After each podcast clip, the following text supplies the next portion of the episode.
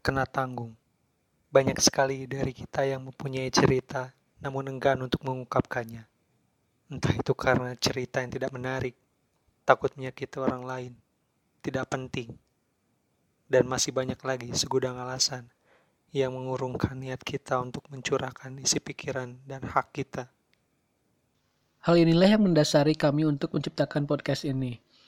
Karena pada hakikatnya kami pun merasakan apa yang kalian rasakan. Di sini kami berusaha untuk menuangkan cerita-cerita dari mulai yang berbau sepele sampai dengan bahasan yang serius. Dalam lingkungan pergaulan, sejatinya kami bukanlah orang-orang yang menarik. Bahkan sebagian besar kami dinilai sebagai orang yang membosankan, kaku, dan tidak mempunyai banyak hal yang berarti dalam hidup kami.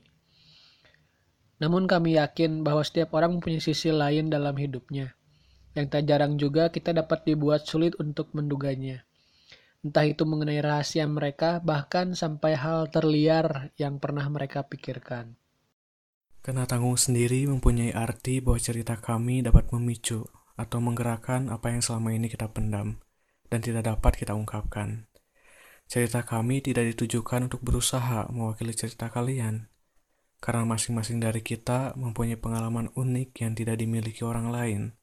Sehingga, pada akhirnya kami serahkan akhir cerita dan kesimpulan kepada kalian, para pendengar. Salam hangat dari kami untuk kita semua.